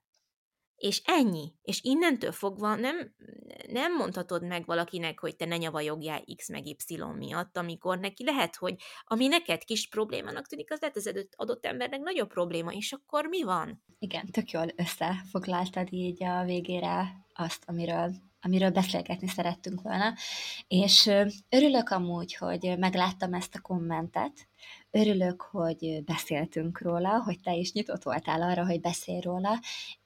Egy, egy ideig így gondolkodtam rajta, hogy aj, most így adjunk teret ennek, és akkor majd jönnek a kommentek vagy beszélnek rólunk, hogy ma igazából ezt is csak azért csinálták, hogy nyíltan nyávoghassanak, de hogy nem, szerintem ez, ez kellett, mert biztosan nagyon sokan ugyanebben a cipőben jártok, és biztos vagyok benne, hogy, hogy titeket is érnek ilyen, ilyen dolgok így az életben, a mindennapok során, és tök jó az, hogy, az, hogy azzal, hogy mi őszintén beszélünk ezekről a kihívásokról, ti is egy kicsit megnyugodhattok, hogy jó, hát nem vagyok ezzel egyedül. Jó, hát én is próbálok tudatos lenni, próbálok olyan gyerekeket nevelni, akik ö, értelmes, okos, ö, empatikus felnőttek lesznek, és, és igenis akadtok, vagy ti is küzdötök ö, olyan dolgokkal, amik, amiket így, amiket így nehéz ö, nehéz esetleg így belátni az elején, de hogy, de hogy vannak ilyenek. És mindenkinek mások a problémái, ahogy te is mondtad, és ez, ez, ez így van jól. De hogy sok probléma van, ami meg, ami meg közös, és tök jó beszélni róla. És egyébként nagyon sokszor szoktunk besz, ö, kapni olyan üzenetet tőletek, hogy, hogy köszönitek ezt a részt, köszönitek azt, hogy amiről beszéltünk, és hogy tényleg nagyon jókor jött nektek, mert hogy ti is ebbe vagytok, és most megnyugodtatok, hogy nem csak egyedül vagytok ezzel a problémával. És higgyétek el, a legtöbb problémával nem vagyunk egyedül. Amúgy, most előkerestem egy videót, mert sem, semmi más nem tudok hozzáfűzni. Egyrészt csak az, hogy, hogy, hogy tudjátok, az nekem egy fantasztikus visszajelzés, és amikor megkérdőjelezem a, a, a, az utálkodók miatt, ha véletlenül valaki így szembesít vele, hogy jaj, láttad, mit írtak rólad, vagy mit tudom én, mondjuk ezeknek tényleg nem adok teret, mert nincs, nem, nem egyszerűen nincs rá szükségem, és így elbizonytalanodok, hogy fú, basszus, mennyivel egyszerűbb lenne az életem, és mennyi stressztől meg kímélném magam, hogyha lecsuknám az instámat, privátra állítanám az oldalamat, nem, nem készítenék videókat, nem tudom micsoda, és mennyivel, mennyivel egyszerűbb lenne az életem, de valami meg mégis hajt engem, hogy nekem ezt kell csinálnom, és én, én ezzel boldog vagyok, és szeretem csinálni, és tudod, ez az üzenet, amit kaptam ettől az anyukától.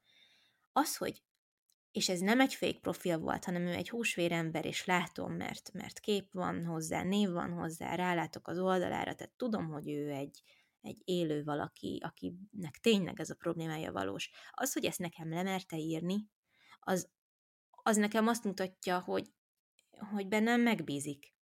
Hogy ő ezt előttem fölmeri vállalni. Ő fogta a telefonját, és nekem megírta, hogy ő neki most nehéz, és ő legszívesebben megszökne, és az, hogy egy, egy idegen ember a, engem kb. így a bizalmába fogad, és ezt nekem elmeri mondani, ez nekem akkora dolog, hogy, hogy ilyenkor mutatom azt, hogy tudjátok mit? Kapjátok be, azt gondoltuk, amit akartok, én ezekre az emberekre fókuszálok, akiknek egy kedves üzenettel, meg a tartalmaimmal tudok segíteni, hogy egy kicsit jobban érezzék magukat, meg akik úgy érzik, hogy a, a, az évek óta tartó tartalomkészítésemmel, meg például a podcast is ebbe tartozik, amit veled csinálunk, egy olyan bizalmi hálót alakított ki kettőnk között, igaz, nem fizikálisat, hanem egy, egy, egy, egy online védőhálót, amihez ő mer nyúlni, és ezt kimeri mondani.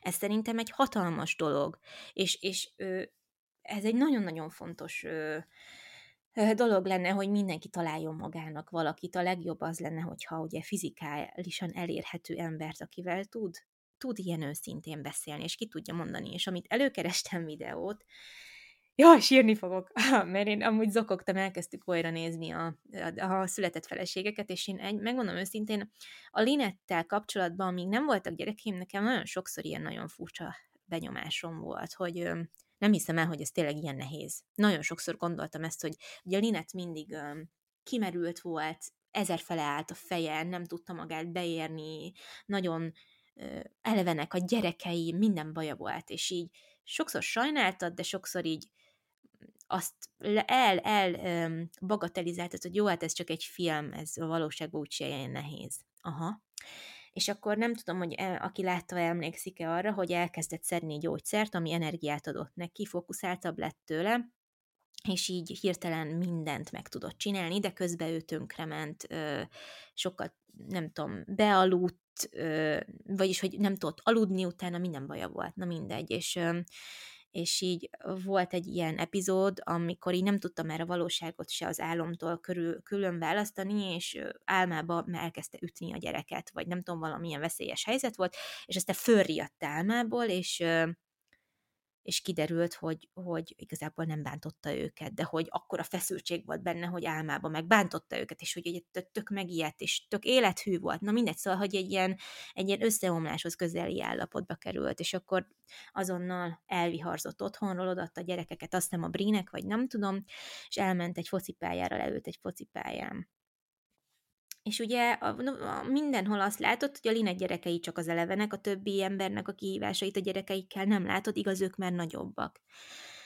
De leültek köré a barátnői, és akkor így mondta, elkezdték neki mondani, hogy nem, Linet, nem vagy rossz anya. Tehát, hogy imádnak a gyerekeid, és tudjuk, hogy szereted a gyerekeidet, hanem a gyereknevelés nehéz, anyának lenni nehéz.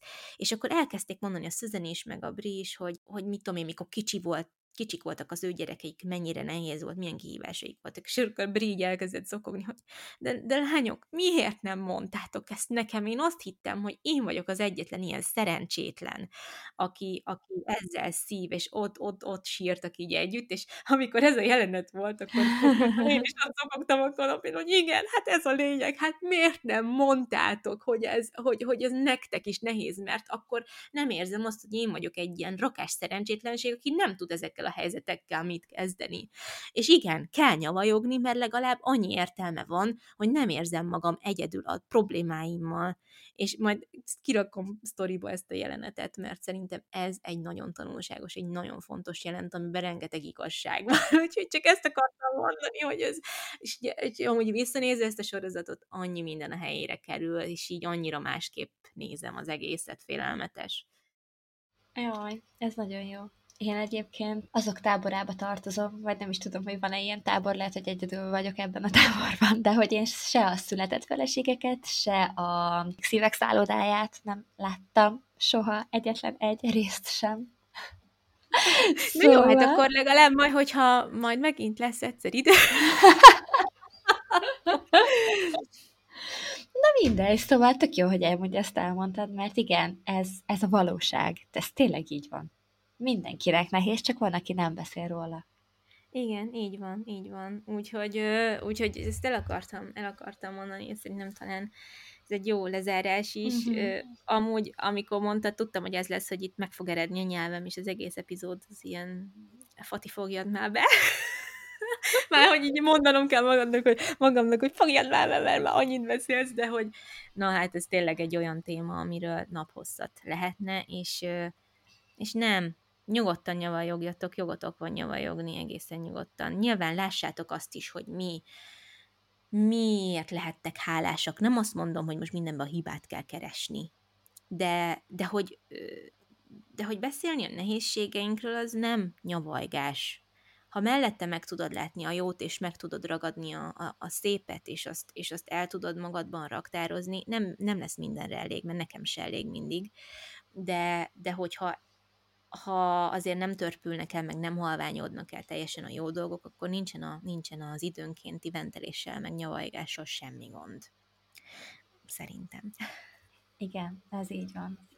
Megkeresni kell azokat a, azokat a lehetőségeket arra, hogy esetleg ebből a szürke hétköznapokból együtt is, családként is, meg meg külön a férjeddel is menjetek, csináljátok, amennyire csak lehet, és ezek, ezek nagyon sokat tudnak segíteni. Most mi a hosszú hétvégén nagyon sokat voltunk együtt, mind a négy Igen. napot együtt töltöttük, programokat csináltunk, kirándultunk, moziba voltunk, fagyiztunk, szóval nagyon-nagyon sok mindent csináltunk együtt, és ezek, ezek iszonyatosan feltöltöttek mind a kettőnket, és tökre látszik, hogy azóta mind a ketten türelmesebbek vagyunk a gyerekekkel, egymással is. És nem mondom, hogy, hogy nincsenek olyanok, amikor, amikor azt érzem, hogy aj, nem hiszem el, már újra ez a mókuskerék. Van ilyen, de azért ezek sokat segítenek abban, hogy kizökkenjünk egy kicsit. Úgyhogy ezeket kell keresni szerintem. Pontosan, pontosan. Sok, sokszor az, hogy jobban érezzük magunkat, és az elején erőfeszítésbe kerül, és ezen, ezeken így át kell, át kell lendülni. De sokszor megéri az erőfeszítés, úgyhogy Úgyhogy igen, hát reméljük, hogy segített a mi ö, nyavajgásunk. Nektek egy kicsit, hogy azt érezzétek, hogy nem, egyáltalán nem vagytok egyedül, és, és és teljesen rendben van, ha néha betelik a pohár, és teljesen rendben van, ha, ha néha nagyon úgy érezzük, hogy, hogy elegünk van, és összecsapnak a fejünk fölött a hullámok, úgyhogy mi, mi, mi abszolút támogatunk benneteket, és a heti kimenős oldalunk is egy olyan hely, ahova bátran írhattok, hogyha egy kis megerősítésre vágytok, mm, úgyhogy, úgyhogy csak bátorítani szeretnénk benneteket, hogy az őszintesség és a nyíltság az mindig sokkal jobb, mint hogyha egy olyan képet mutatunk, ami nem igaz. Úgyhogy, úgyhogy igen. Igen, uh, ezt hogy... szépen mondtad így. Igen, igen, igen. Kövessetek minket, amint mondtam, a heti kimenő oldalon, és uh, hamarosan egy újabb uh, vendéggel szerintem. Azt hiszem, a vendéges lesz a következő epizódunk, igen. Um, nagyon izgi témát fogunk hozni, reméljük tényleg össze is jön, úgyhogy maradjatok velünk, és újra találkozunk majd akkor. Legyen szép napotok addig is. Sziasztok! Sziasztok!